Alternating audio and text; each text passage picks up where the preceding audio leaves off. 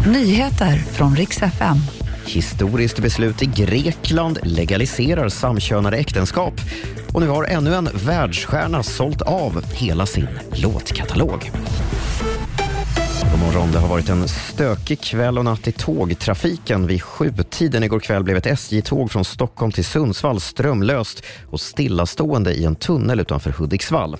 Passagerarna kunde till slut evakueras men stoppet fick följdförseningar och ställde till det för många andra resenärer på Ostkustbanan.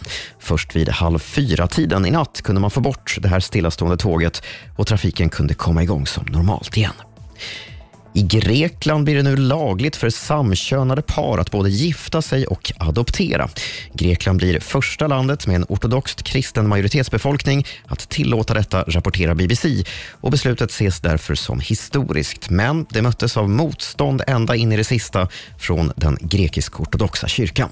Lagen gick igenom med 176 ja-röster mot 76 stycken nej.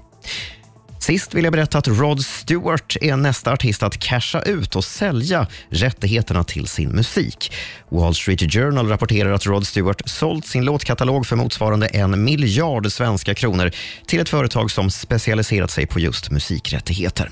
På sistone har även artister som Katy Perry, Justin Bieber och Bruce Springsteen gjort likadant.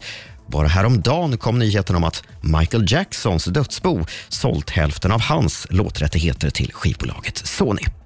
Och det var de senaste nyheterna. Jag heter Robin Kalmegård.